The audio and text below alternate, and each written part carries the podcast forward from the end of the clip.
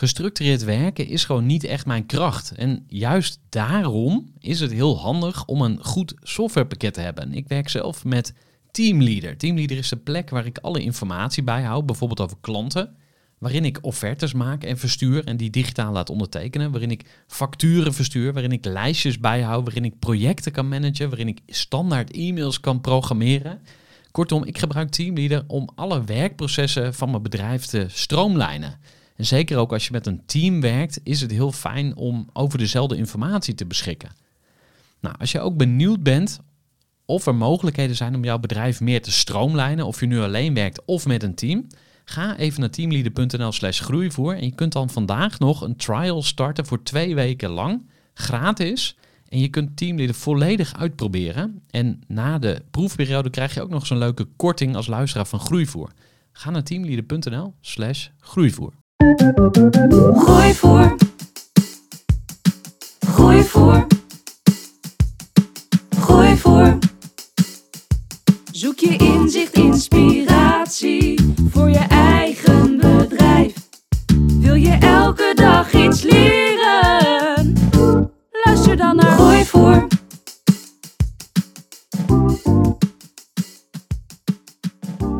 We kennen allemaal de grote merken. Nike, Coca-Cola, Disney, Patagonia, om er maar eens een paar te noemen. Maar is het bouwen van een merk ook weggelegd voor kleinere bedrijven? Volgens Maurits Vroombout en Tamarint Broers Houten van Everbetter wel. Met een slimme merkstrategie kun jij jezelf veel beter positioneren en een stevig merk bouwen dat klanten aantrekt en vasthoudt. En vandaag zijn Maurits en Tamarint in de Groeivoer podcast om te vertellen hoe jij als ondernemer een sterk merk kunt bouwen. Maurits en Tamarint, van harte welkom bij de podcast. Ja, dankjewel. Dankjewel. En een dubbel interview, dat vind ik dus dubbel zo leuk. Twee mensen, dat is 200% eh, eh, groeiplezier. En we beginnen zoals altijd ook met het eh, vragenvuur om jullie persoonlijk wat beter te leren kennen. En omdat we met twee gasten zijn, eh, gaan we het een klein beetje anders doen dan normaal gesproken. Eh, dus ik ga eerst aan jou, eh, Tamarint, wat vragen stellen. Maar dan over Maurits. Dus dat is meteen een relatietest voor jullie eh, als eh, compagnons. Wie is de moeder van Maurits? Moeder Mouw noem ik. Moeder Mouw, mooi. En jij kent, haar ook, jij kent dus zijn moeder. ik heb haar een paar keer ontmoet, ja. Ja, grappig. grappig. En lijkt Maurits op haar of is ze heel anders? Nee, wel een beetje, ja. Vind ik wel. Ja, Mooi. Ehm, heeft hij broers of zussen? ja hij heeft eh, twee broers. Mhm. Oké. Ehm, waar is hij geboren? Niet in Steenbergen, denk ik toch? Wel in Steenbergen. Steenbergen. Ah, Oké, oké. Eh, wat is zijn grootste jeugdzonde, denk je?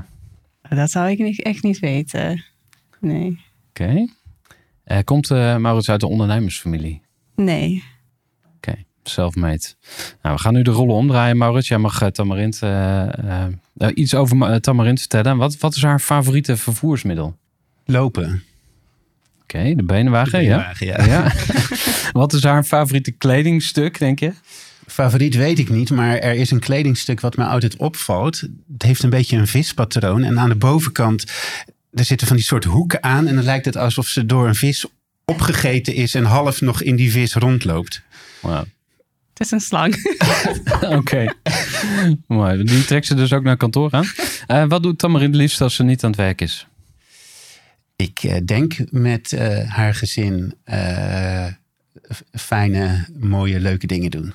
Ja. Heeft ze ook eh, eh, eh, tijd alleen? Heeft ze ook iets wat echt alleen van haar is? Ja, zondagochtend gaat uh, Temmerint eh, wandelen met een podcast op.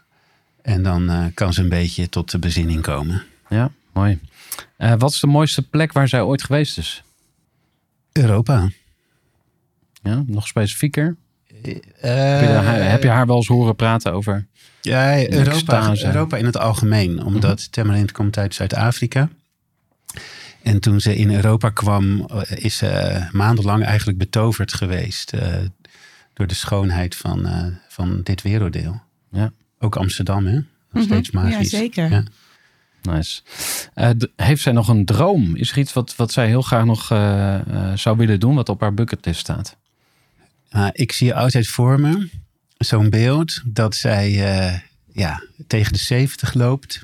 En dan ga ik haar opzoeken in Zuid-Afrika. Want na de carrière is ze daar naar teruggegaan. En dan zit ze op een veranda op een schommelstoel. En dan kijkt ze uit over de savanne. En is het, hallo Tamarind. Wat goed, wat goed. Mooi. Misschien nog even een korte reactie. Eh, gaat dat gebeuren, denk je? Of eh, waar zie jij je toekomst?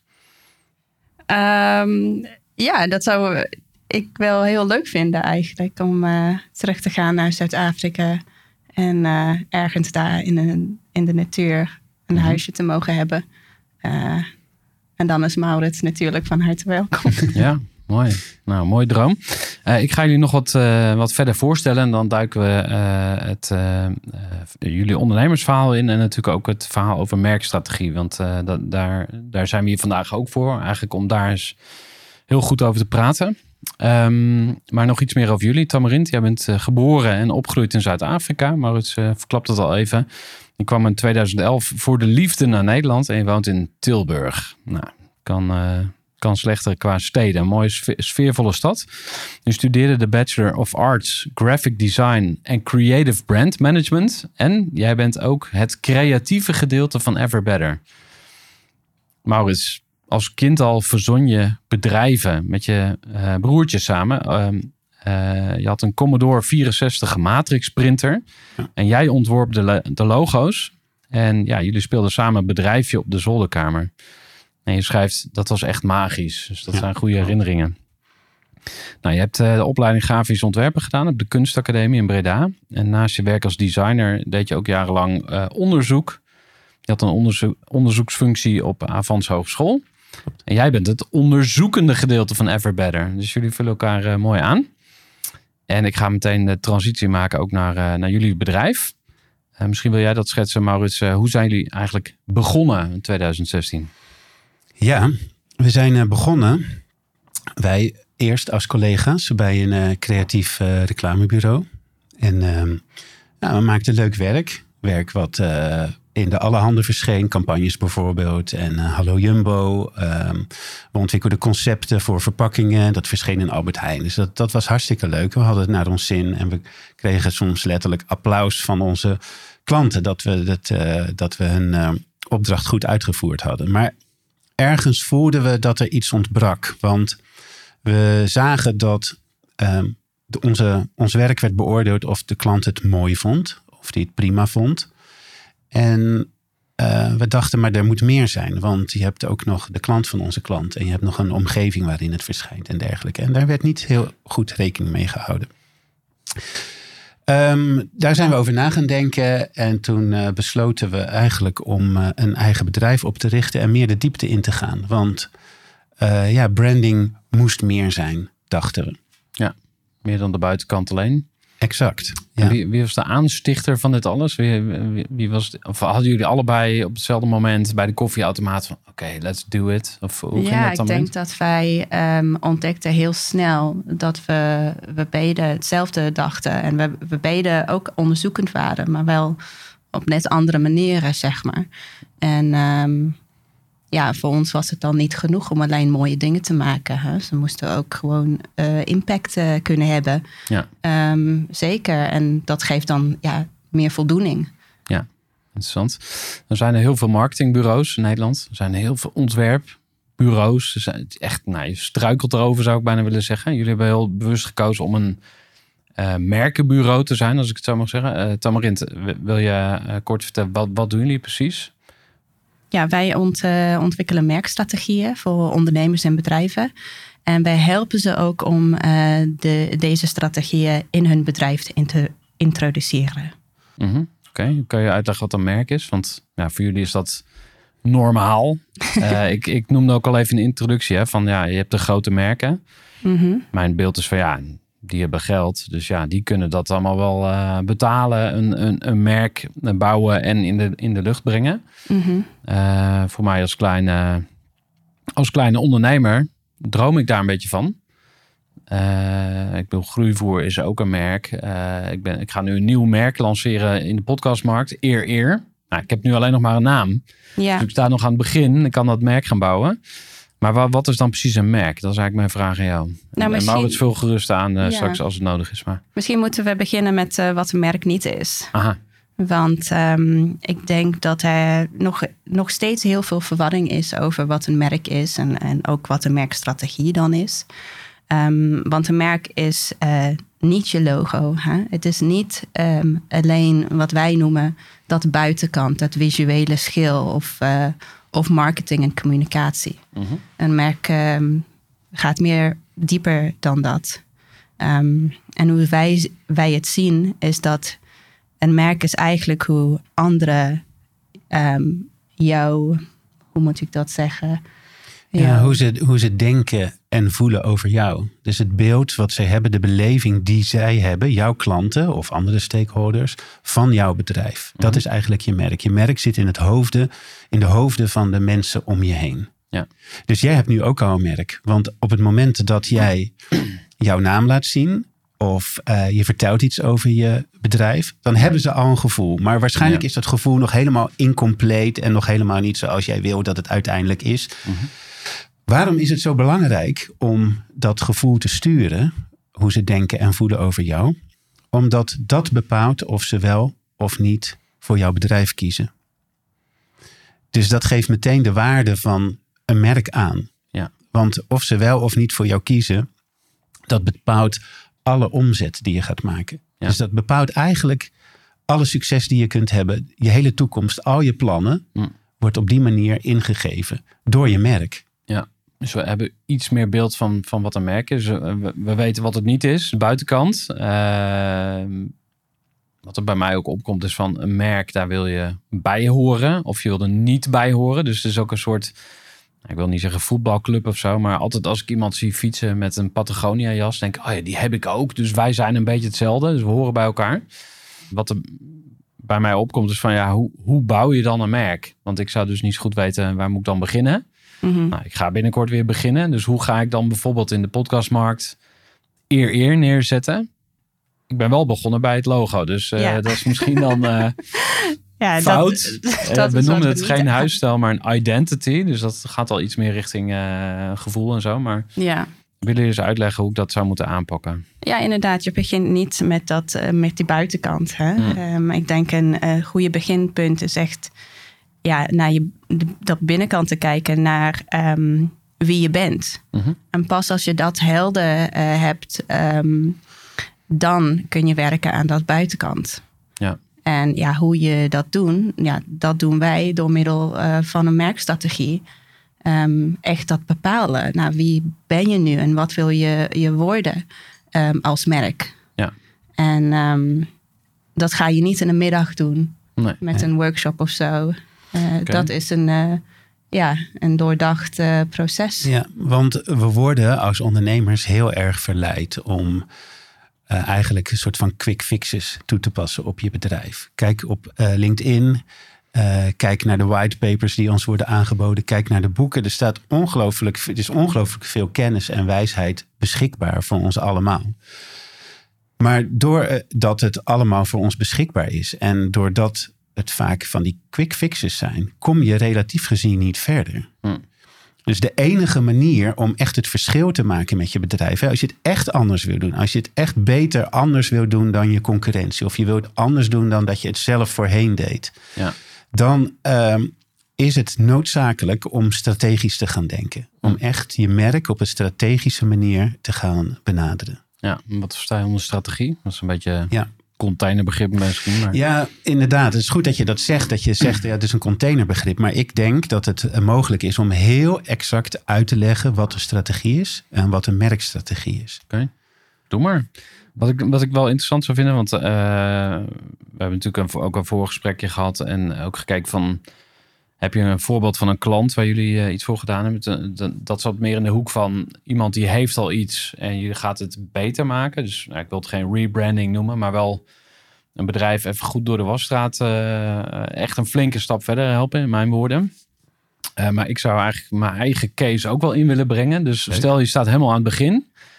En ik kom bij jullie en ik vraag een offerte aan. Ik zeg, nou, jullie, jullie weten het, hè, hoe het moet. Dus hoe moet ik eer eer in de markt zetten? Hoe, wat zijn dan de stappen? Wat eh, wil je dat dus uitschetsen? Zou je heel kort willen uitleggen wat eer eer dan eh, inhoudt? Gewoon wa- Ja. wat je idee daar nu bij is? Ja, oké. Ehm, nou, wat ik heel tof vind aan het podcast maken is het creatieve stuk. Dus een klant komt naar je toe met een vraag van... hey, we willen misschien wel een podcast of we willen content gaan maken... of we, ja, we willen daar iets mee, kun je ons helpen? Om dat dan op een hele creatieve manier te doen. En op een gegeven moment ben ik gaan zoeken naar een goede naam. En dat is heel lastig in een... Ja, nu, weet je, als je in de jaren tachtig waren alle domeinnamen nog vrij... en waren er misschien nog veel minder eh, bedrijfsnamen. Maar nu moet je best wel van goede huizen komen... En na drie maanden zoeken ben ik op eer eer uitgekomen. En dat gaat over eh, gehoord worden. Dus ehm, als een klant bij mij komt, die heeft een bepaalde boodschap of die heeft bepaalde stories of verhalen. Dus kun- kunnen verhalen van klanten zijn, het kan je brandstory zijn, nou, kan van alles zijn. Wat ik wil, eh, waar ik die klant bij wil helpen, is het eh, versterken van hun geluid. En het zorgen dat eh, ze gehoord worden. En wat voor mij ook belangrijk is, is dat daar een bepaalde diepgang in, in, in, zit. Want dat is een van de kwaliteiten van podcasts. Dus dat je een verdiepende laag kan toevoegen aan je content. Dus heel veel, weet ik veel, je rijdt langs een billboard. Je kijkt er drie seconden naar en je bent weer weg. Je ziet een eh, advertentie op Instagram, je scrolt weer door. Dus dat zijn allemaal hele korte eh, interacties of, of ehm, eh, ja, hoe je het ook wil noemen. maar je krijgt heel korte aandacht. Maar als het jou lukt als bedrijf om ehm, een half uur lang de aandacht vast te houden, dan kan je echt de diepte in. Dus die diepgang is belangrijk. Gehoord worden. Eh, verbinding maken misschien ook wel. En ehm, ja, dus dat zijn, dat zijn nu eigenlijk. Weet je, maar het, ja, het zit aan de ene kant is het echt iets wat vanuit mij komt. En aan de andere kant is het natuurlijk ook een beetje een marketing sausje wat je er overheen gooit. Ja, dat klinkt oneerbiedig, maar de naam eer eer, daar heb je een, daar heb je ook een verhaal bij nodig. Mooi idee. Als je een merkstratege inschakelt, een goede merkstratege, dan gaat hij eigenlijk drie dingen voor je doen. Hij gaat nieuw potentieel vinden voor jou. Hij gaat de gevonden eh, krachten en kansen bundelen. En dan gaat je helpen met het effectief inzetten van al je resources die je hebt. Dus van de investeringen die je doet. Kijk, dat nieuwe potentieel vinden moet je je zo voorstellen. Je, wij hebben allemaal, we staan allemaal eigenlijk voor een veld, een oneindig veld met kansen en krachten. Die, stel je het voor dat je voor zo'n veld staat, ligt helemaal bezaaid. Er zijn ongelooflijk veel eh, factoren, gebeurtenissen, kansen, eh, behoeftes van je klant waar je op in kan spelen. Maar we hebben allemaal een beperkte blik op dat veld. Omdat we zijn bezig met de dagelijkse gang van zaken. We hebben druk. Of je weet gewoon niet hoe je verder moet kijken. Je kent bepaalde onderzoekstechnieken nog niet. Ja. Nou, een merkstratege die gaat jou helpen om je gezichtsveld te verbreden. Om nieuw potentieel te vinden. In jouw geval ben ik bijvoorbeeld, hè, je kan zeggen: Oké, ik heb een, ehm, een podcastbedrijf en ik heb microfoons en ik heb een studio en je kunt er gaan zitten en dan gaan we jouw podcast opnemen. Nou, dat is heel inwisselbaar, want dat gaat over de techniek. Dat is heel praktisch. Dat kunnen anderen ook zeggen. Maar als we op zoek gaan bij jou naar wat de diepere drijfveren zijn van ondernemers, waarom ze het misschien leuk vinden om in, een- in de schijnwerpers te staan, of waarom ze het niet leuk vinden, of we gaan kijken heel goed inzoomen op wat een podcast van 20 minuten nou uniek maakt. En welke eh, luisteraars daar graag bij willen horen. Dan komen we op gebieden waar we nu geen antwoord op hebben. Maar die wel heel zinvol zijn om te weten. Om straks een sterk merk te bouwen. Ja. En als het ons lukt om meer te weten te komen dan jouw concurrent weet. Ja, dan zit je goed. Dan heb je al meteen een heel goed uitgangspunt. Ja, bijvoorbeeld, ehm, je had het over ehm, gehoord eh, eh, voelen. Dan zouden wij ook gaan onderzoeken, hè? wat betekent dat nu? Wanneer voelt iemand zich gehoord? Mhm. En, ehm, want ik denk dat dat niet hetzelfde is voor iedereen. Hè? Mhm. En als je dan dat weet vanuit jouw, de perspectief van je klant, hè, dan uh, ja, dat verbreidt jouw perspectief. Oké, en dan is de concurrentieomgeving misschien ook nog wel. Uh, want ik zit zeg maar in een, in een veld, een concurrentieveld. Je had het ook over een ander veld uh, van oneindige mogelijkheden. Ja. Dat sprak me ook wel aan. Ik dacht, oh ja.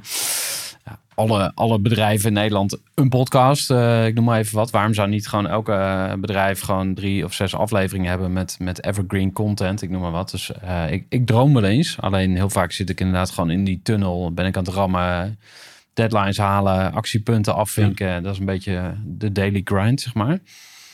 Ehm, maar de concurrentie.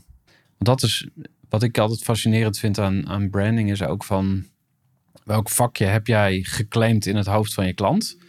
Dus als je aan wasmiddel denkt, denk je aan Ariel. Als je aan uh, podcast denkt, bijvoorbeeld, dan denk je, ik denk nu bijvoorbeeld meteen aan Tony Media, omdat dat is een hele dominante speler in de podcastwereld. Dus, en dan is de vraag van welk vakje moet ik gaan claimen? Dus uh, nemen jullie dat ook mee zeg maar, in het, het, hele concurrentieonderzoek? Of moet ik dat zelf doen? Of hoe werkt dat? Ja. ja. absoluut. Je moet ook kijken naar de bedreigingen natuurlijk die er zijn. En hoe je je kunt onderscheiden. En uh, waar jij uh, jezelf kan zijn, wat hoort bij jou, maar waarbij je ook jezelf onderscheidt van de, van de concurrentie. Dat hoort ook bij dat onderzoek. Zeker. ja. ja. Oké, en uh, misschien kan je even schetsen hoe, hoe ziet dan, zeg maar, uh, stel ik ga met jullie werken, hoe ziet dat er dan uit? Dus we beginnen. Heb je een soort stappenplan of zo? Of hoe werkt dat? Ja, ja, we hebben dus een, uh, een merkbouwprogramma. Mm -hmm. En uh, we beginnen met een workshop. Dan gaan we inzoomen op jou. En dan gaan we met behulp van hele speciale technieken jouw droom ophalen. En wat er gaan omhoog halen, wat er misschien in jouw hoofd zit, maar wat je nog nooit heel expliciet gemaakt hebt. En het is belangrijk om dat expliciet te maken. Um, dan hebben we een tweede workshop. Uh, en dan gaan we het hebben over jouw uh, klant. Dus we gaan eerst inzoomen op wat is jouw ideale klant. Welke klanten horen er misschien niet bij? Die kunnen we meteen laten gaan. Mm. En als we jouw ideale klant gekozen hebben, dan gaan we naar die ideale klant toe. Dan gaan we diepte-interviews houden. Mm. En dan gaan we het afpellen. En dan gaan we echt kijken naar waar die diepere behoeftes liggen. Waar de diepere drijfveren zijn, liggen van ondernemers om in een podcast te gaan of zichzelf bekend te maken. Um, en het diepste niveau is dat je gaat naar identiteitsniveau. Dus we proberen echt omhoog te halen waarom een ondernemer uh, ja, zich bekend wil maken en wat dat persoonlijk met hem doet. Want daar zit uh, de meeste waarde. Als je mensen kan helpen met hun persoonlijke transformatie, dan hebben mensen daar het meeste voor over. Dus daar ligt het goud. Hmm. Oké, heb je daar een voorbeeld van? Dat klinkt nogal. Uh alsof het ook een beetje aan de ondernemer hangt, zeg maar. Dus de... ja. ik heb wel een leuk voorbeeld. Wat je misschien niet zou verwachten, dat je daar ook de diepte mee in kan gaan. We hebben een merk gemaakt voor een schoenverfrisser. En ik heb dus. Hey, wacht, die heb ik volgens mij thuis staan. Ja, de Shoe Fresh, bedoel je die? Of niet? Ja, ja, ja. ja, ja, ja, ja. En uh, dat apparaat was eerst heel technisch uh, gepositioneerd. Dus werd mm -hmm. in de reclame uitgelegd hoe het werkt. Nou, eigenaar die wilde uh, weer opnieuw relevant worden. Dus we hebben met hem dat traject gedaan. En ik heb dus diepte-interviews gehouden met mensen over uh, zweetvoeten, over stinkende pubers in huis en over uh, sporten en de voorbereidingen sporten. En dan kom je er, daar kom je echt op een dieper niveau als het gaat over beleving van, van geur en van orde. Dat, we kwamen erachter dat het heel belangrijk is dat als je een, een sportprestatie gaat leveren, dat je rust in je hoofd wil en dat alles schoon en ordentelijk moet zijn. Nou, toen we dat ontdekten, nou, toen kwamen er meteen zoveel ideeën op hoe we dat apparaat konden positioneren en hoe we sporters konden benaderen en welke beloften we konden doen. Hmm. Dus ja, dat was dat onverwachte goud wat we gevonden hebben voor een, ja, een niet sexy apparaat of een, een apparaat wat in het begin niet sexy lijkt, een schoenverfrisser. Ja. En heette het al wel Shoe Fresh of hebben je ja, nee, het bedrijf stond, bestond al. Ja, ja, uh, draaide uh, prima. Maar we hebben echt... Uh, de eigenaar voelde van... Hey, de, de, de, markt begint te veranderen. En ik moet nu iets gaan doen om mijn concurrentiepositie te versterken... en een voorsprong te houden op, op die nieuwkomers. Ja. Even een korte onderbreking met een belangrijke vraag aan jou. Want wat heb jij geregeld voor het geval je van de ene op de andere dag zou komen uit te vallen? Wat gebeurt er dan met je bedrijf, maar vooral wat gebeurt er met jou persoonlijk en ook in financieel opzicht? Samen met ASR voerde ik drie openhartige gesprekken over tegenslag en veerkracht. En dat deed ik met Saskia, Vincent en Pieter. Ondernemers met een bloeiend bedrijf die van de ene op de andere dag niet meer konden werken. En die verhalen hoor je in aflevering 256, 257 en 258 van deze podcast. Als ondernemer wil je natuurlijk niet uitvallen. En daarom is het belangrijk dat je veerkrachtig bent, want voorkomen is beter dan genezen. En als het dan toch misgaat, is het fijn dat je iets geregeld hebt, zodat je weer snel door kunt met ondernemen. Wil je weten hoe veerkrachtig jij nu bent? Vul dan in twee minuten de veerkrachttest van ASR in. Ga naar asr.nl slash veerkrachttest ondernemers. Ja, ik zat ook een beetje te denken van ja, welk probleem los je eigenlijk op? Want het klinkt alsof die uh, uitvinder, noem ik hem maar even, alsof hij het al best wel goed voor elkaar had. Hij Ja. had een mooi product, een mooie Ja. naam. Ja. Dus wat was dan zijn issue eh, bij jullie? Ja. Waarom die bij jullie kwam? Ja, ik, zeg- eh, ik vind dat ehm, veel ondernemers die naar ons eh, toe komen, ja, hebben gewoon een goed lopend bedrijf. Hè? Mm. En vaak komt het uit de ondernemer zelf dat zij eh, meer willen bereiken. En ehm de probleem die we dan oplossen, is dat met hun eigen middelen, dan lukt dat hen niet. Dus zij zitten een beetje vast. Ja. En dat kan komen doordat hun ambities heel groot zijn. Of dat er inderdaad meer concurrentie op de markt komt. Of ehm, dat de markt verandert gewoon door technologische ontwikkelingen. Ja. Ehm, ja, dus ze zitten vast. En ja, dan kun je gewoon kijken naar je marketing. Of eh, naar je product. Of naar andere onderdelen van je bedrijf. Maar je kunt ook kijken naar je merk. Ja. En wat voor inspiratie kun je daaruit halen? En hoe kun je dat inzetten als strategisch tool? Ja, Nou, ik ben wel benieuwd van hoe eh, ver durven jullie te gaan, zeg maar, om een klant te adviseren? Want stel, een klant komt bij je met een hele slechte naam, dat je echt denkt, pff, waarom heb je die bedrijfsnaam? Weet je, dit klopt gewoon niet. Bij, of stel, je gaat onderzoek doen, je gaat het helemaal afpellen en denk je van, hey, er komt eigenlijk een hele diepe drijfveer naar boven die... Dat is, dat is, dat is waar, waar het echt eh, om draait. En dan bijvoorbeeld een, een bedrijfsnaam die er helemaal niet bij past. Of ja, ik ga toch weer een beetje naar die buitenkant misschien. Hè? De, de, de, de Mm. kleur of de website. Of de, maar eh, heb je voorbeelden waarbij je een klant echt geadviseerd hebt om radicaal met roer om te gooien? Of zijn het meer wat kleinere stappen of zo? Bij ons is het eh, meer kleinere stappen ook. Mhm. En vaak komen ze niet naar ons toe met de vraag eh, voor een logo of een naam of een. eh, of dat ze komen echt gewoon met andere problemen naar ons Mhm. toe. Ehm, Ja, waar ze echt vastzitten. En daarna, als de strategie af, af is, wat we wel merken dan, Mhm. is dat ze ineens de vertrouwen hebben om eh, dat, eh, de huisstijl en logo eh, aan te pakken. Of gewoon te investeren in een grote televisiereclame. ja. Dan wel ineens. Ja, nou, ik vraag het ook omdat, zeg maar, ehm, de definitie van waanzin, volgens mij van Einstein, was dezelfde dingen blijven doen en een ander Ja. resultaat verwachten. Dus als je zegt van ja, die ondernemer loopt vast. Ik, ik heb Mm. ook wel, dat, wel eens dat gevoel gehad dat ik dacht van ja, ik heb het tot hier gebracht. Dus alles wat ik weet en kan en, en gedaan heb, dat heeft me tot hier gebracht. Eh, maar ik weet niet meer hoe ik verder moet. Ja, Dus dat betekent, als ik verder wil, of ik wil, iets, ik wil een ander resultaat, dan moet ik echt iets anders gaan doen. Dus als ze dan bij jullie komen, eh, dan moet er ook wel echt iets veranderen. Dan kan het niet zo zijn van, nou, eh, we zetten een andere missie op de website en dan Nee. hopen we maar dat het nu ineens wel, ja, ik bedoel, precies. Het is gewoon niet dat oppervlakkige. Hè? Als je een Mhm. strategie gaat eh, ontwikkelen, dan ga je andere keuzes maken Ja. voor, voor je bedrijf. Want je kiest van, nou, wie ben ik nu? Mhm. Ik ben A, dus Ja. dat betekent dat ik B en C moet gaan doen. ja, maar dat betekent dan misschien ook wel afscheid nemen van bijvoorbeeld bepaalde klanten. Eh, Ja. Misschien zelfs wel van medewerkers. Eh, of eh, wat heb je ik, gezien ik bij heb klanten? wel een voorbeeld daarvan eigenlijk. En ehm, wij hebben een positionering gedaan voor een bedrijf die een eh, verschillende boutique eventlocaties ehm, hebben. En ehm, ja, wij hebben haar wel geadviseerd om een bepaalde niche-markt in te gaan.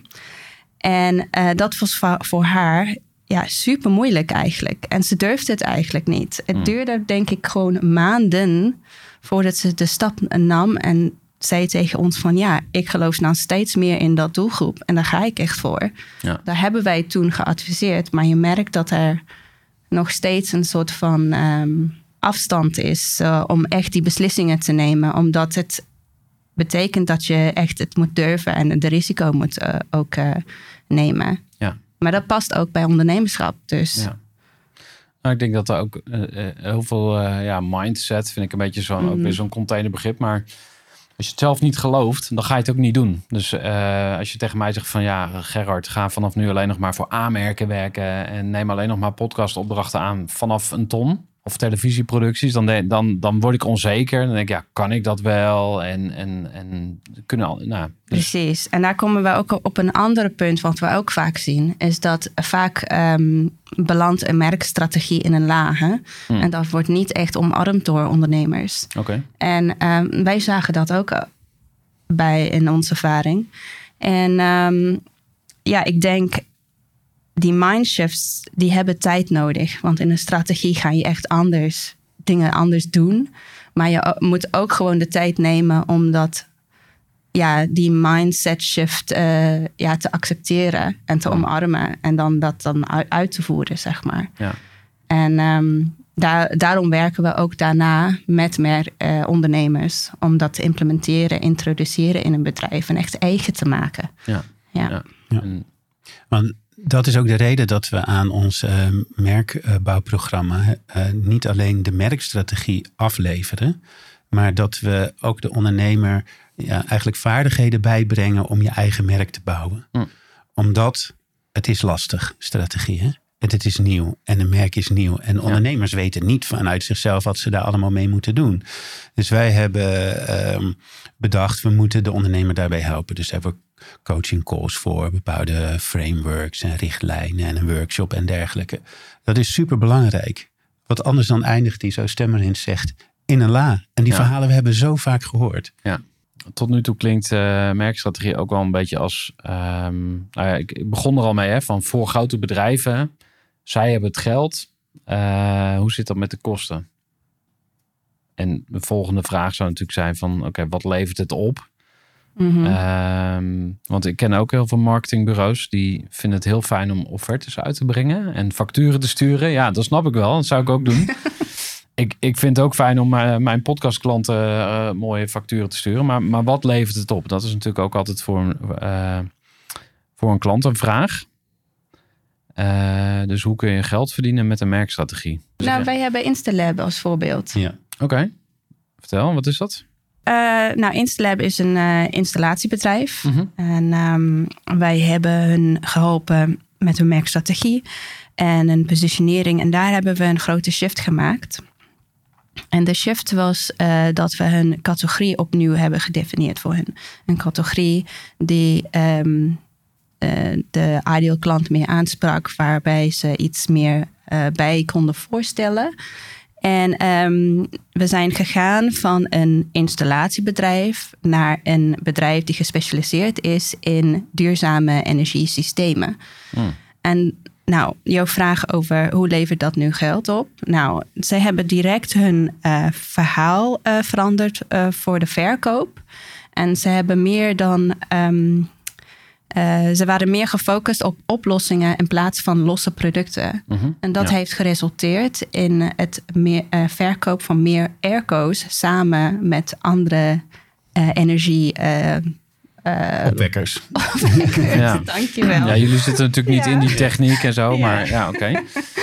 Ja, je hebt dus eigenlijk het verhaal opnieuw vormgegeven. Of dat heb je samen met hun gedaan. Mhm. En ik moet zeggen, duurzame energieoplossingen klinkt ook al ineens meer premium of beter of waardevoller Ja. dan eh, we zijn een installatiebedrijf. Ja, dat, dan zie je zo'n busje voor je met een ladder op, eh, op het dak. Ehm, en dat is ook typisch voor techneuten, denk ik. Die zijn altijd helemaal gek van hun eigen product. Absoluut, ja. Ehm, Dat zien we ook vaak. Hè? Dat is heel productgericht, noemen wij dat. Ja. En dan gaan we meer eh, ja, dat shift maken naar iets wat klantgericht is. Ja, ja, interessant. Eh Maurits, hebben, eh, eh, was jij ook betrokken bij hem? Want jullie zijn natuurlijk samen. Dus zo, zijn, zo heb ik jullie ook geïntroduceerd hè, van, van het onderzoek en de creatie. Ik ben dan geneigd om het onderzoek over te slaan. Denk, nou, dat duurt allemaal heel lang. Eh, maar wil je dat misschien nog eens uitleggen? Want Ja. eh, we waren ook bezig met die stappen. Hè? Van welke stappen doe je? En heb je verschillende workshops? Heb je die bij, bij Instalab ook allemaal doorlopen? Ja, ja, ja, dat hebben we hier ook gedaan. En ehm, ja, ze kwamen bij ons omdat eh, twee broers hebben het bedrijf eh, onlangs overgenomen van hun vader. Aha. En dat betekent, ze hadden eigenlijk allebei een andere visie op, op het bedrijf. Of eigenlijk, er was geen visie. En eh, er moesten ineens ook eh, twee gezinnen eh, van het bedrijf gaan leven. Plus natuurlijk nog oud personeel, hè, want het is een behoorlijk groot bedrijf. Dus zij moesten iets gaan doen. En de eigenaar was al een tijd op zoek naar oplossingen op internet en zo. En coaches of weet ik veel wat, wat moet ik nu? En hij kwam toen uit op van, hé, hey, misschien heb ik gewoon een heel sterk merk nodig. Dus we zijn gestart. En door het onderzoek hebben we eigenlijk een soort van overkoepelende waarheid opgehouden voor die twee broers. Hm. Dus zij hoefden daarna niet meer al die tijd te investeren in oeverloze discussies van wie zijn we, wat betekenen we nou voor onze klanten. Nee, dat was duidelijk geworden door het onderzoek. Hè? Dus wij hebben echt onderzoek gedaan naar hoe beleven mensen eh, de huidige energiemarkt. Er is heel veel eh, twijfel over de energieprijzen. Dan gaan ze omhoog, dan gaan ze naar beneden. De oorlog van Oekraïne is er, die heeft invloed. De overheid bleek onbetrouwbaar te zijn, omdat er steeds nieuwe regels komen. De souderingsregeling wordt afgeschaft. Nou, ik ga nu niet te veel in detail, maar in ieder geval, we kwamen erachter dat eh, huishoudens ehm, die hele energiemarkt als heel onbetrouwbaar beleefden. En toen zagen we, hey, maar als we een product hebben of een product verder ontwikkelen, wat mensen zelfstandig maakt, zelfvoorzienend maakt, waarbij ze ook nog kunnen genieten van meer comfort, omdat elektriciteit nou geen goud meer kost als je zonnepanelen hebt of een warmtepomp, dan ben je helemaal goed af. En daar zijn we op gegaan. Dus van puur, hey, we hebben een airco of we hebben zonnepanelen, die leggen we op je dak. Zijn we gegaan naar van, hey, maar dit houdt de mensen bezig. Dus dan kun je daar je boodschap op afstemmen. Eh, je kunt je team erop afstemmen. De, je, je, je hebt een gezamenlijk doel als broers. Ja, Dus dat gaf zoveel helderheid en overzicht en daarmee kracht ook. ja. Maar ook eh, tijdens het eh, proces, denk ik dat wij, wij doen altijd de onderzoek. Hè? En dan gaan we een rapport ehm, eh, afleveren. En ehm, daarna gaan we samen met het team ook eh, dat rapport, die eh, resultaten duiden met elkaar. Daar hebben we verschillende workshops voor, twee. ehm, waarin we ook dan met het hele team ideeën gaan genereren van wat moeten we hiermee? ja. En daar komt ook eh, tijdens het proces ook praktische ehm, ideeën naar voren en oplossingen. Wij ontdekten ook ehm, dat het bedrijf worstelde ook met slechte communicatie met, de met de klant. Hè? En dat er dan in dat moment eh, in de workshop iemand zei: Ja, wij moeten een CRM-systeem hebben. En dat was altijd tussen vader en zoons altijd eh, een soort van, er, niet, ik wil niet zeggen ruzie, maar altijd argumenten over of het nodig was of niet. Maar ehm, na de sessie, na, na de merkstrategie, ja, was er geen twijfel meer. Zij, ha- Ja. die, zij hadden die CRM-systeem nodig. ja. Ja. En ze zagen ook ineens hoe belangrijk onderhoudscontracten waren voor hun. Want die hadden ze nog niet. Ja. Maar nu ze totaalsystemen gingen leveren, hoort daar ook continuïteit bij. Ja. En eh, ze hebben toen het besluit genomen om daar speciaal iemand voor aan te nemen. En die is nu onderhoudscontracten aan het verkopen. En dat loopt storm. Ja. Dit zijn ook hele praktische ideeën die voortkomen uit de merkstrategie. Ja.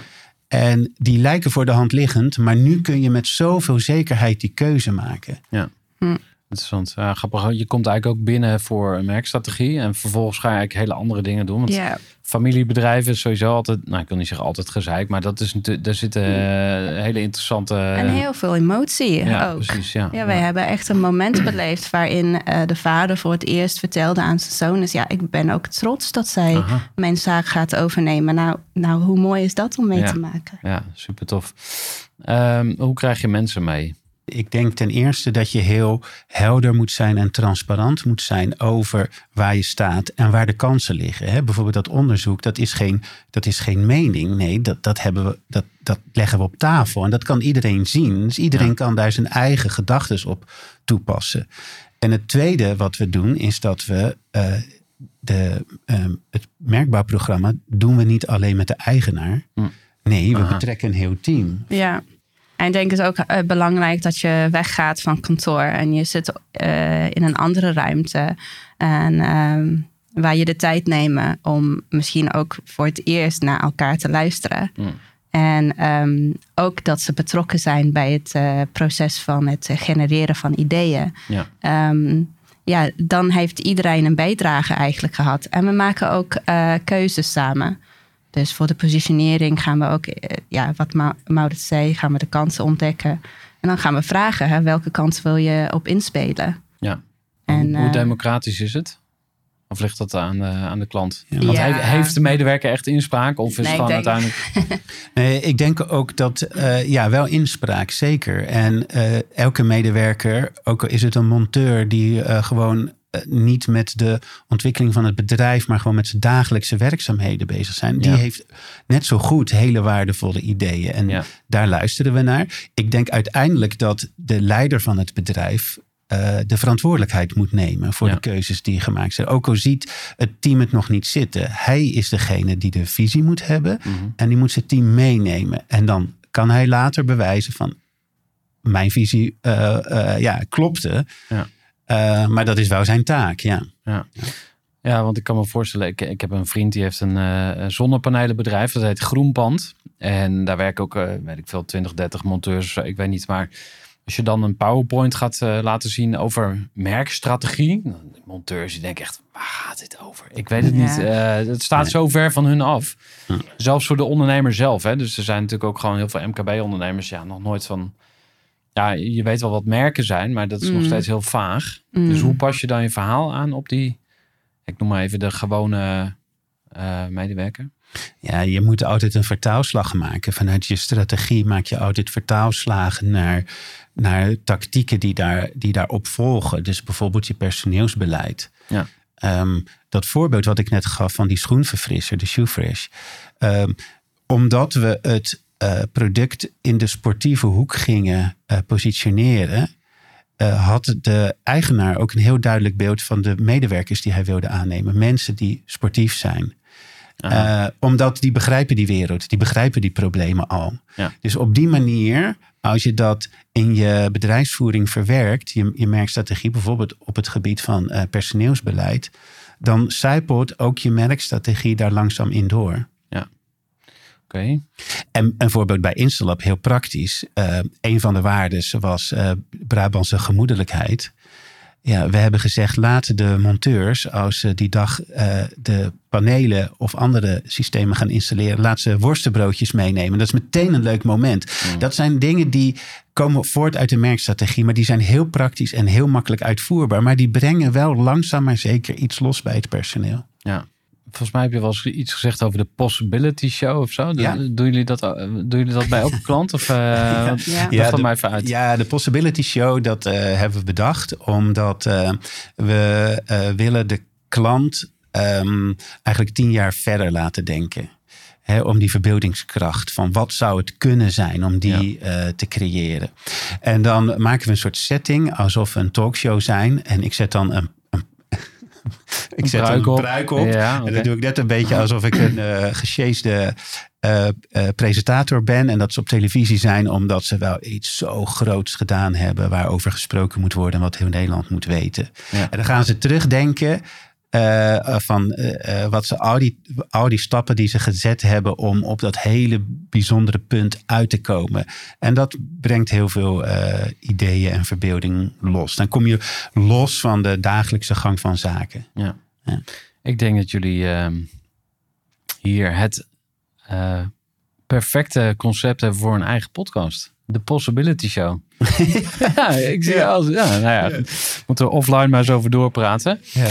Ehm, er komen nog allerlei vragen op. Eh, nou, eentje is bijvoorbeeld eh, eh, de doorlooptijd. Dus hoe lang duurt het? Stel, ik, ik, ik luister nu en ik denk, nou, ik vind het wel interessant. Maar ja, ik, ik heb haast. Ik wil het snel gefixt hebben. Hoe, lang- hoe lang duurt het eh, traject? Ja, het duurt twaalf weken. Ja, oké. Nou, dat is overzichtelijk. Dat is één kwartaal.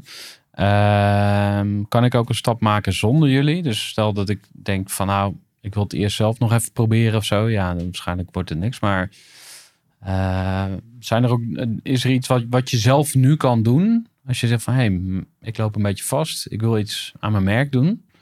Is er een soort DIY-methode? Nou, kijk, als je bijvoorbeeld in de opstartfase zit van je bedrijf, hè, dan kun je natuurlijk allerlei dingen eh, doen aan eh, een leuke naam bedenken, ehm, een, eh, een logo, uitstraling en dergelijke. En tot een bepaald niveau. En daar, daar zul je een stuk mee komen. Ja. Dus dat kun je zeker doen. Maar als je echt het verschil wil maken, eh, ja, dan heb je een merkstrategie nodig. Dan, moet je, dan moet je het anders gaan doen. Dan moet je daarmee breken.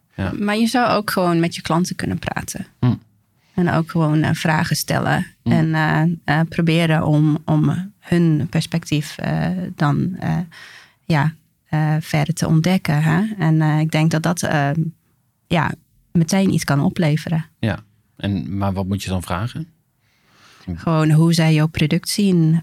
en dan gewoon ehm, vragen waarom, waarom, waarom. En Ja. proberen gewoon echt dieper te gaan. Ja, ja precies. Uh, Dan, daarom, daar, ik denk dat jullie daar ook echt in excelleren, zeg maar, in het onderzoek doen. Terwijl, Mhm. nou, ik ben bijvoorbeeld van, zeg maar, wat dat betreft zou ik een ideale klant zijn, want ik, ik eh, ben heel erg op de korte termijn gericht.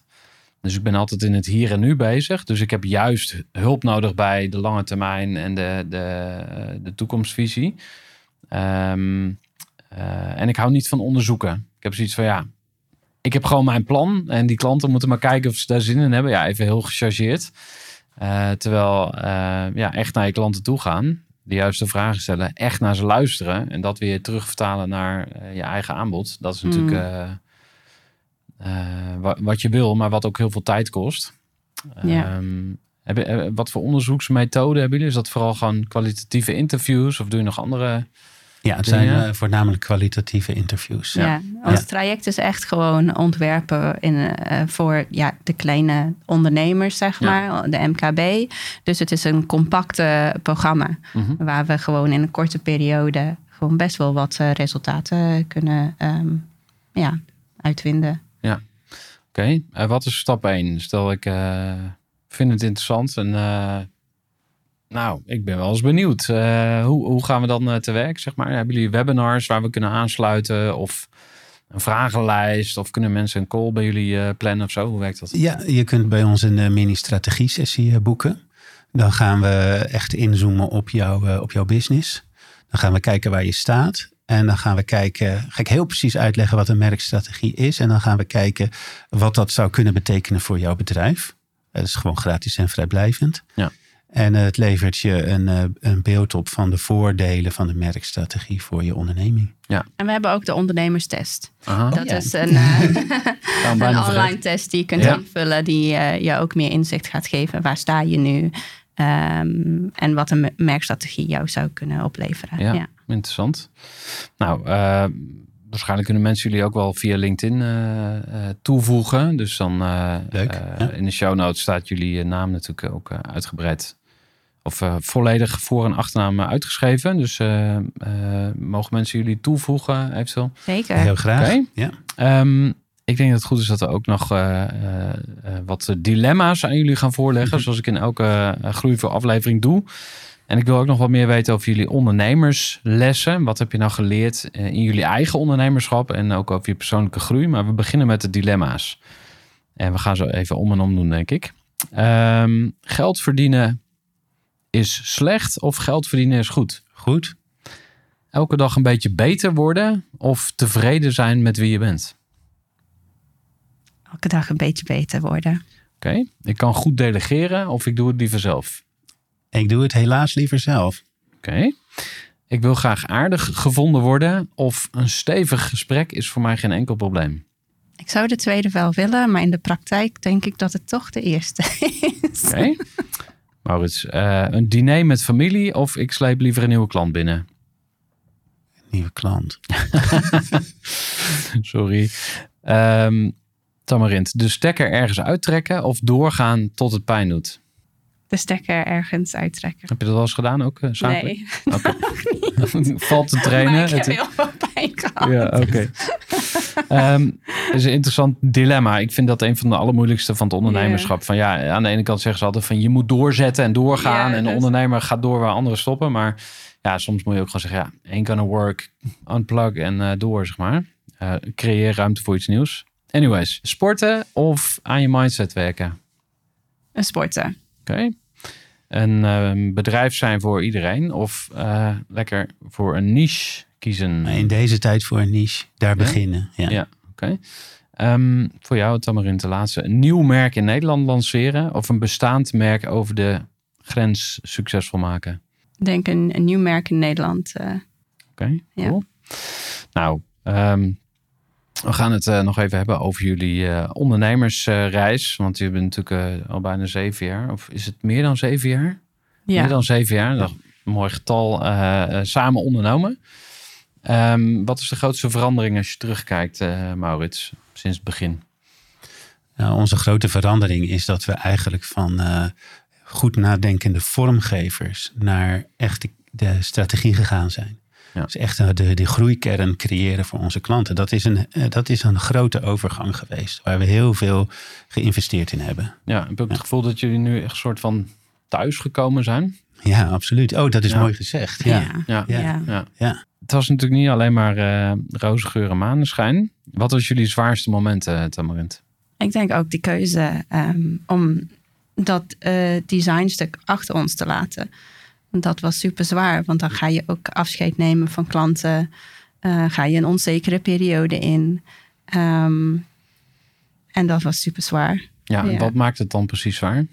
Had je Ja, voor mezelf mo- moest ik ook een soort van eh, een nieuwe identiteit aannemen. Hè? Want ja, als designer ben je echt uitvoerend bezig. eh, en moest ik ook dan voor het eerst ja, strateeg worden. En ook eigenlijk voor het eerst echt ondernemer worden. Mhm. Eh, dus ja, dan heb je ja, zelf een soort van transformatie die je moet eh, meemaken. En dan ook op, in, je, in je bedrijf, zeg maar. Je bedrijf moet ook een transformatie Ja. meemaken. Ja. Interessant. Is er een moment waar jij eh, liever niet eh, naar terug zou gaan? Wat ik tot eh, een jaar geleden lastig vond, was het dat uitleggen wat is nu een merkstrategie en waar, waar, waarom heb je het nodig. Mhm. Omdat het is eh, voor veel mensen abstract. Mhm. Voor mij nu niet meer hoor. Maar dat Ja. heeft me wel heel veel moeite gekost om uit, eigenlijk uit mijn eigen theorie te komen. En het, eh, eh, het vervolgens in de wereld van de dagelijkse wereld van de ondernemer te brengen. En wa- wat maakt het dan pijnlijk, zeg maar? Dat het er Dat niet is- uitkwam of zo? Was. Ja, ja en dat je, dat je, dat je eh, eh, super enthousiast praat tegenover, eh, tegenover een ondernemer of met een ondernemer. En dat hij dan uiteindelijk het helemaal niet ziet zitten of zoiets wat Ja. je hebt uitgelegd. En dan denk ik, maar kom op zeg, je bent zo geholpen Zie je hiermee. het dan niet? Zie je het ja, dan ja, niet? ja. Is er ook een, een, een kippenvelmoment geweest? Dat je echt denkt van, ah, nu komt alles samen. Dit, dit is dus het gevoel van flow, zeg maar. Wa- Wanneer beleef je dat? ja, in mijn werk eh, beleef ik dat aan het eind van de strategie. Aha. Dat Ja. alle eh, puzzelstukjes eh, dan op zijn plaats vallen. En ehm, in het bedrijf, ja, ik denk toen we onze programma ehm, voor het eerst een beetje af hadden. Want het was echt ook jaren ontwikkelen, fine-tunen, perfectioneren. Ja. Totdat, eh, ehm, en dan om dat eerste programma dan af te maken en te kijken naar de ondernemer en hoe Ja. zij op reageren. Nou, Ja. dat is dan een moment om waar je ziet. Ja, dan Ja. gaat de champagne open. Nou, Ik, ehm, ik kan me voorstellen dat je ook wel... Want jullie hadden volgens mij ook een hotel eh, als klant of zo. Mhm. En dan gaat dat hotel opnieuw open. En dan hangt er een Mhm. nieuw bord op de gevel. Ja, dat, ik zit weer heel erg in die buitenkant. Maar dat is misschien ook mijn kracht. Om juist... Nee, Ook die tuurlijk, want dan is het tastbaar. Hè? Ja, En dan eh, ziet ook een ondernemer vaak soms voor het eerst zich, eh, het voor zich. Tamarint, wat is volgens jou een, eh, een goede ondernemer? Ik denk iemand die kan reflecteren op zichzelf, die kan groeien, die durft fouten te maken en die ook ja, zijn klant ziet en hoort. Ja. En eh, als je zelf een cijfer mag geven voor ondernemerschap? Ik vind het eh, heel lastig. Ik heb net eh, een beetje uitgelegd dat ik heb dat transitie meegemaakt in Ja, mijn eigen identiteit. Ja. En ehm, daar moet ik nog in groeien en heel veel Mhm. leren. Ja. Dus, Is er één ding dat er uitspringt waarvan je zegt van ah, dat, dat, dat wil ik dan heel graag nog wel leren? Of daar wil ik mezelf in ontwikkelen? voor mij is het meer ehm, communicatieve vaardigheden ook. Mhm. Ehm, ik heb jaren achter mijn scherm gezeten als eh, grafisch vormgever. Ja. En dan ineens moet je dan, zeg maar, weg van dat world beschermde... met echte mensen. Ja, ja, ja, ik snap hem. En Ja. je moet ook een beetje dan in de spotlight kunnen zitten, net Ja. zoals vandaag. Ja. En ehm, ja, daarin zou ik willen groeien. Mijn vader, die was... eh, ik gooide af en toe een persoonlijke anekdote in. Mijn Mhm. vader, die eh, was dominee. Eh 24 jaar lang dominee geweest. En die zei, ach man, de eerste keer dat ik op de preekstoel stond... Ik, ik zeven kleuren, zeg maar. Dat was heel eng. Maar vervolgens deed hij dus gewoon elke week twee keer. Dat is 100 keer per jaar. eh keer 24 jaar. Nou, reken maar uit. En eh doet me denken aan dat boekje van de, de 10.000 uur eh, regel. Weet je wel, eh, zo'n Amerikaanse gast die heeft dat geschreven. Die zei, alles wat je 10.000 uur doet, daar ben je gewoon goed in. Dus als jij 10.000 uur piano gaat spelen, grote kans dat je gewoon eh, goed in piano wordt. Dus, en ik merk dat met dat podcasten. Ik kan letterlijk vijf minuten van tevoren binnenlopen. Ik heb alles voorbereid. Ik weet precies wat er gaat komen. En voor mij is er dus geen spanning meer bij. Dan moet je dus oppassen dat je niet lui wordt. Dat je denkt, nou, ik doe het wel even. Je moet iedere keer wel de performance eh, doen. Maar eh, practice makes perfect, zeg maar. Mm. Dat, eh, dat eh, helpt daar wel bij. Nou, dan heb ik nog eh, 10.000 uur te gaan. Ja, maar, maar, maar je kan je wel afvragen van, past dat bij je, je, je kernkwaliteiten? Dus ehm, ja, moet je bijvoorbeeld een introvert, moet je die gaan pushen om een extrovert te worden of zo? Ik weet, hoe, hoe zie je Ja, het? nou, ik ben introvert. Aha. Dus eh, ja, ik merk wel dat het voor mij wel lastig is, zeg maar. Eh, maar ik denk dat eh, daar, ik daarin kan groeien. Mhm. Ja. Ja. Hoe zie jij dat? Zie jij haar ook als introvert? Want ik heb ook al eens iemand horen zeggen van ja, het is eigenlijk niet zo zwart-wit. Het is niet zo van je bent 100% introvert of extrovert. Eh, het is een soort eh, continuum, zeg maar. Nou, hoe, hoe kijk jij naar eh Tamarint? Ja, ik denk dat Temmerint eh, heel goed waarneemt, heel goed ziet wat er om haar heen gebeurt. Hm. En dat ook heel goed eh, verwerkt. En ehm, dat merk ik bij eh, creatieve eh, processen eh, bij, bij haar. Dan leveren we dus onderzoeksgegevens af en dan Temmerint gaat puzzelen en zo. En dan ineens dan zet zij dat allemaal in elkaar tot een super sterk concept of positionering. Denk ik, wow, waar houdt ze dat vandaan? Nou, ik denk dat dat misschien ook het hele grote voordeel van de introvert is. Dat die hersenen, die, die, die, die draaien continu door. Ja, en ik denk als introvert moet je een beetje oppassen waar je grenzen zijn. Van eh, al- als je te, te veel energie kost om eh, ja, in een kamer vol mensen te zijn, zeg maar, dan moet je daarna een beetje opladen. Je kunt het niet gewoon elke, elke dag doen. Ja, grappig. En voor jou, Hm? min of meer dezelfde vraag. Maar, eh, andere vertrekpunt. Wa- Wat is jouw grootste kwaliteit, vind je? Ik denk eh, waarnemen. Ja. En Dat, analyseren. Ja, analyseren zeker. Echt alles uit elkaar halen Mhm. en weten precies eh, hoe het werkt, zeg maar. Ja. Ehm, dat kan Maurits heel goed. De En. Temmerint kan het vervolgens weer in elkaar zetten. Ja. En is er een eh, skill waar je aan werkt als eh, ondernemer? Iets waarvan je zegt, ah, daar, eh, als ik een persoonlijk groeiplan mag schrijven, dan zet ik dat bovenaan. Ja, sales. Oké. Ja. Ja. Ja. ja. En ik denk dat mijn weg is om eh, ehm, gewoon mijn ideeën over merkstrategie te delen in een salesgesprek. Dat dat mijn kracht zou moeten worden. Ik ben geen verkoper. Ik ben niet iemand die eh, alles wat hier op tafel staat zomaar kan verkopen. Dat zou ik niet kunnen. Dus ik moet het op mijn manier doen. Ja, dat is wel een interessant punt. Ik heb wel eens tegen jou gezegd, schrijf een boek. Ja, Eh, zou kunnen. Start een podcast, een possibility show. Zou kunnen. Ehm, heb jij nog meer ideeën hoe je zeg maar, jouw eh, thought leadership zou kunnen eh, ja, kanaliseren, wou ik bijna zeggen. Want je moet het bij de mensen krijgen. Dus wat, wat is dan jouw medium? Ja, nou op dit moment, wat Temmerint al zeiden, hebben we dus een test die Ja. eh, ondernemers kunnen doen.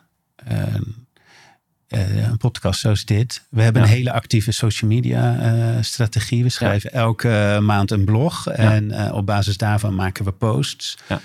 en die we op onze kanalen zetten. Ehm, dat is wat we nu doen. En ja, ik benader ondernemers op LinkedIn. En dan zeg ik, goh, ik zou je graag willen inspireren. zullen we elkaar gaan volgen? Dat zijn de manieren die we nu hebben. Ja. Ja. Ja, interessant. We gaan naar de allerlaatste vraag. En jullie krijgen allebei dezelfde vraag. En um, die luidt als volgt. Maurits, stel dat ik deze hele aflevering mag vergeten. En de realiteit is dat mensen na een jaar echt, echt niet meer weten wat er nou allemaal gezegd is. Hè? Dus zo gaat het ook echt in de praktijk. Maar is er dan één ding waarvan je zegt, nou, ik hoop dat mensen dat uh, meenemen? Ja, ik hoop dat de mensen meenemen dat um, we leven in een wereld waar eigenlijk ondernemen makkelijker is dan ooit. Want uh, er, relatief gezien dan, hè, er is relatief gezien veel geld. Er is heel veel kennis in boekenkasten, in whitepapers, uh, in cursussen. Er is zo personeel kun je overal vandaan halen, relatief, hè, over de hele wereld. de techniek is heel ver.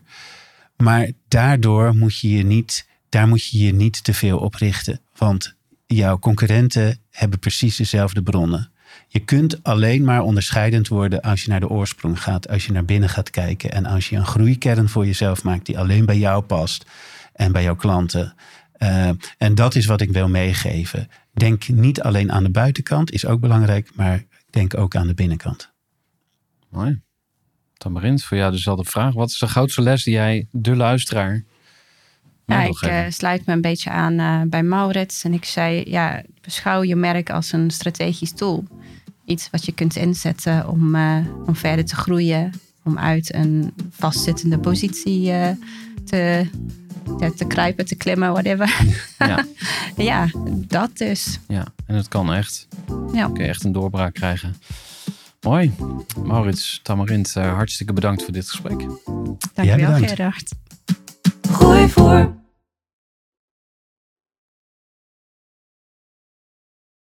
Gestructureerd werken is gewoon niet echt mijn kracht. En juist daarom is het heel handig om een goed softwarepakket te hebben. Ik werk zelf met Teamleader. Teamleader is de plek waar ik alle informatie bijhoud, bijvoorbeeld over klanten.